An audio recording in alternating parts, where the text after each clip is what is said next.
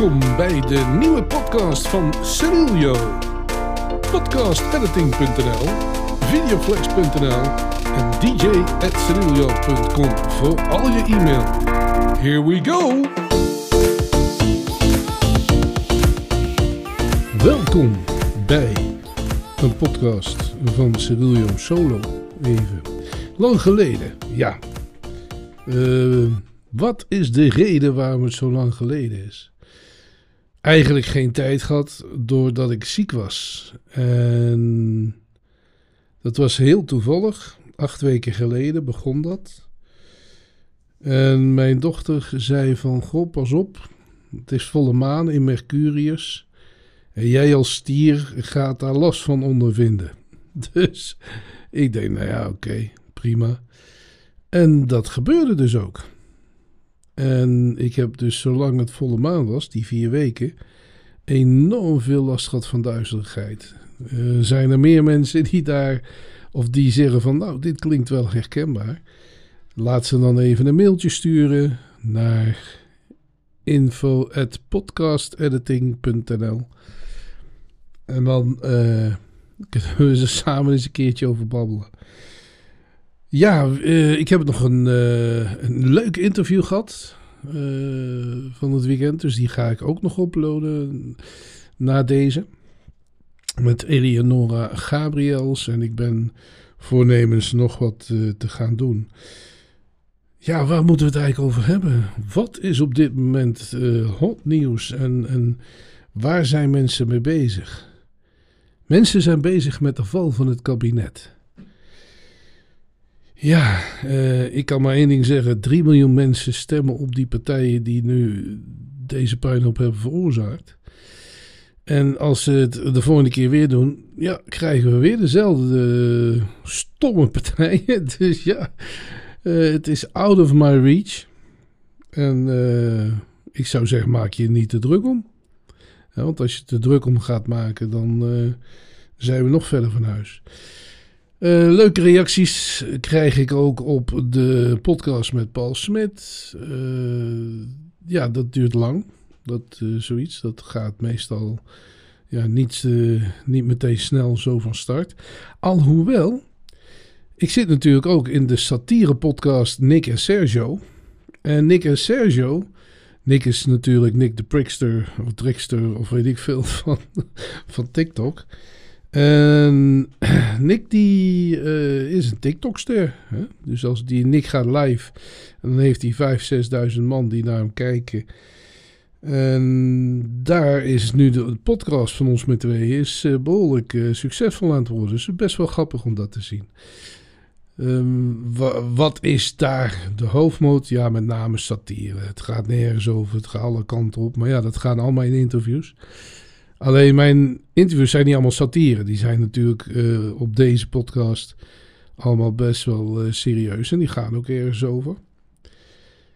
Um, ja, wat kan ik nog meer vertellen eigenlijk? Dat is, het is altijd heel moeilijk om de podcast voor jezelf alleen te maken. En aangezien ik um, podcasten verkoop, hè, want dat is eigenlijk, uh, wat doe ik dan? Ik uh, zorg ervoor dat de audio perfect is. Ik neem het op. Uh, ik ga er naartoe. Uh, ik zorg ervoor dat de buitengeluiden of de bijgeluiden veel minder zijn, et cetera, et cetera. En daarna doe ik de upload. Ik doe de intro met muziek. Hetzelfde als wat je bij mij hoort, of bij Nick en Serge hoort, of bij Marjolein Brocatus hoort. En dan gaan we de podcast uploaden. En voilà, ze zijn weer in de lucht.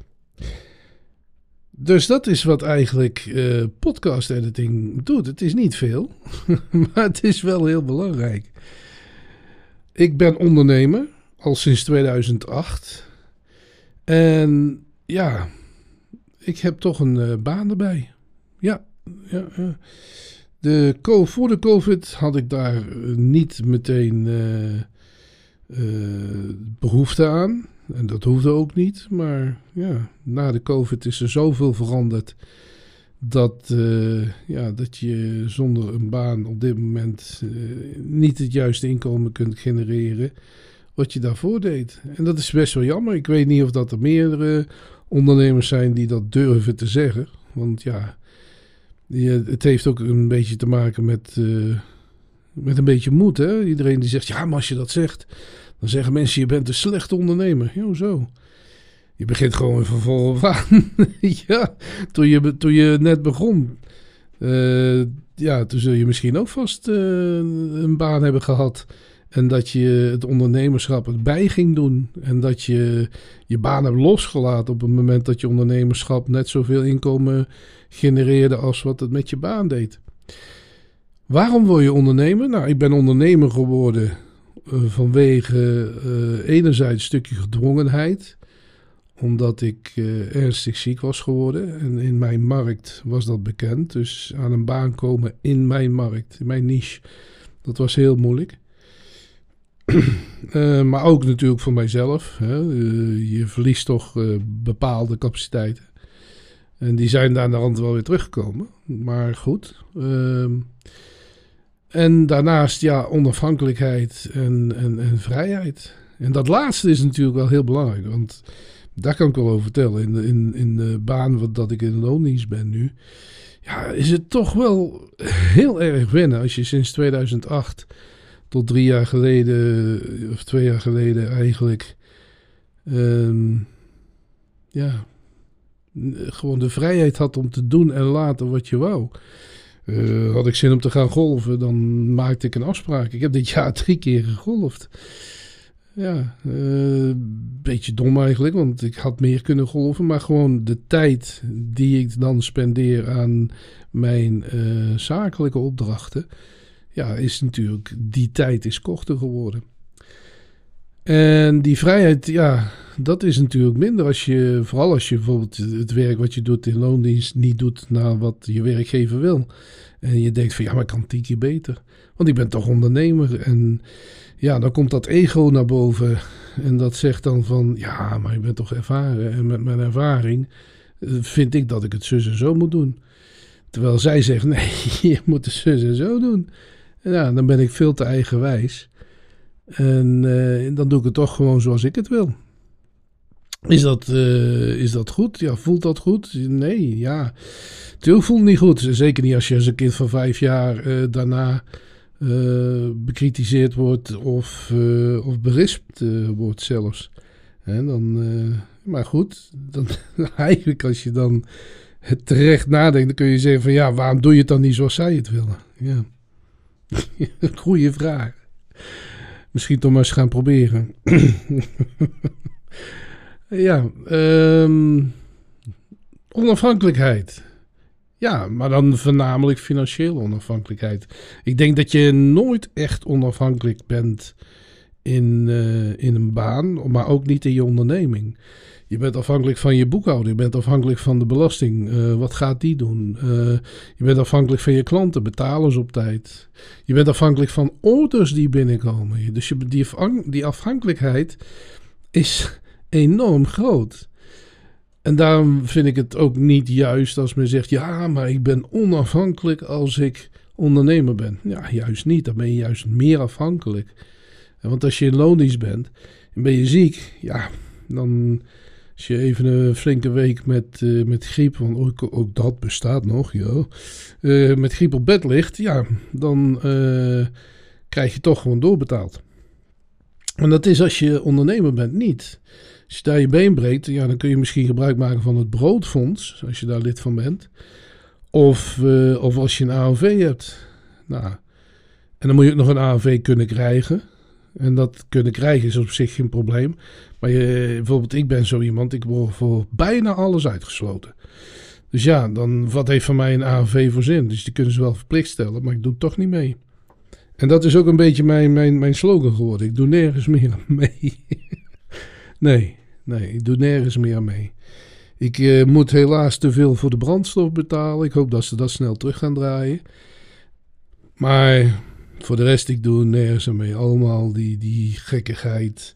Code oranje. Het, het onweert vijf minuten, het regent vijf minuten. En ja, heel Nederland wordt gek gemaakt. Uh, mensen worden van festivals afgehaald. En, en dan denk ik ook van ja, de, vijf minuten Vijf minuten hebben ze regenbui gehad. Misschien een beetje hagel, een beetje, een beetje onbeheer. En that's it. Nou, ehm, wat vind ik daarvan? Daar kan ik van alles van vinden. En het, eh, ik kan me eraan ergeren. Ik kan me eraan opwinden. En ik doe gewoon daar niet meer aan mee. Ik heb er gewoon geen zin meer in. Bedoel, als de media dat wil zeggen, dan zeggen ze het toch gewoon. A, leeft het voor mij makkelijker? En B, ja, uh, ik kan zo zeggen, ik heb overal het scheid aan in principe. En dat is natuurlijk ook niet waar, want ik heb niet overal het scheid aan. Maar ik doe gewoon nergens meer mee. Punt. Nou, dit was dan even een, uh, een korte podcast over hoe het allemaal uh, de afgelopen weken geweest is. Uh, na die duizeligheid kwam er nog een dikke darmontsteking bij. Dus die heb ik ook nog gehad. Dus vandaar dat ik zeg van, nou nee, vandaag gaan we weer even wat podcast opnemen. We zenden ze elke week uit. En uh, vind je het leuk? Stuur dan een mailtje naar info@podcasting. Wat zeg ik nou? nee, dan komen ze uit bij de collega's, niet doen. At info at podcastediting.nl Mijn naam is Riljo. Ehm Luister een keertje als je zegt van nou, ik vind satire wel leuk. Naar Nick en Sergio. Waarom Sergio? Omdat veel mensen mijn naam niet uit kunnen spreken. En die noemen me dan maar Sergio. Dus ik dacht, dan pakken we die er maar bij. Want het is uiteindelijk satire. Hè? Zouden ze zeggen bij voetbal of vandaag in site of voetbal international. Weet dat tegenwoordig? Ja, ik kijk allemaal niet meer zoveel tv.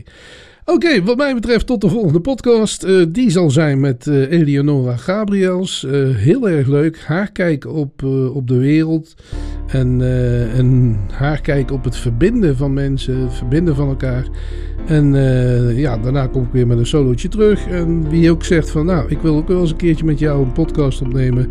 Geef gerust een mailtje. Wat mij betreft tot de volgende keer.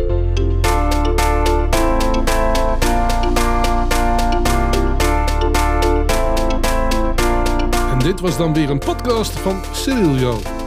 Podcastediting.nl, videoflex.nl, cyrilio.com. Tot de volgende keer.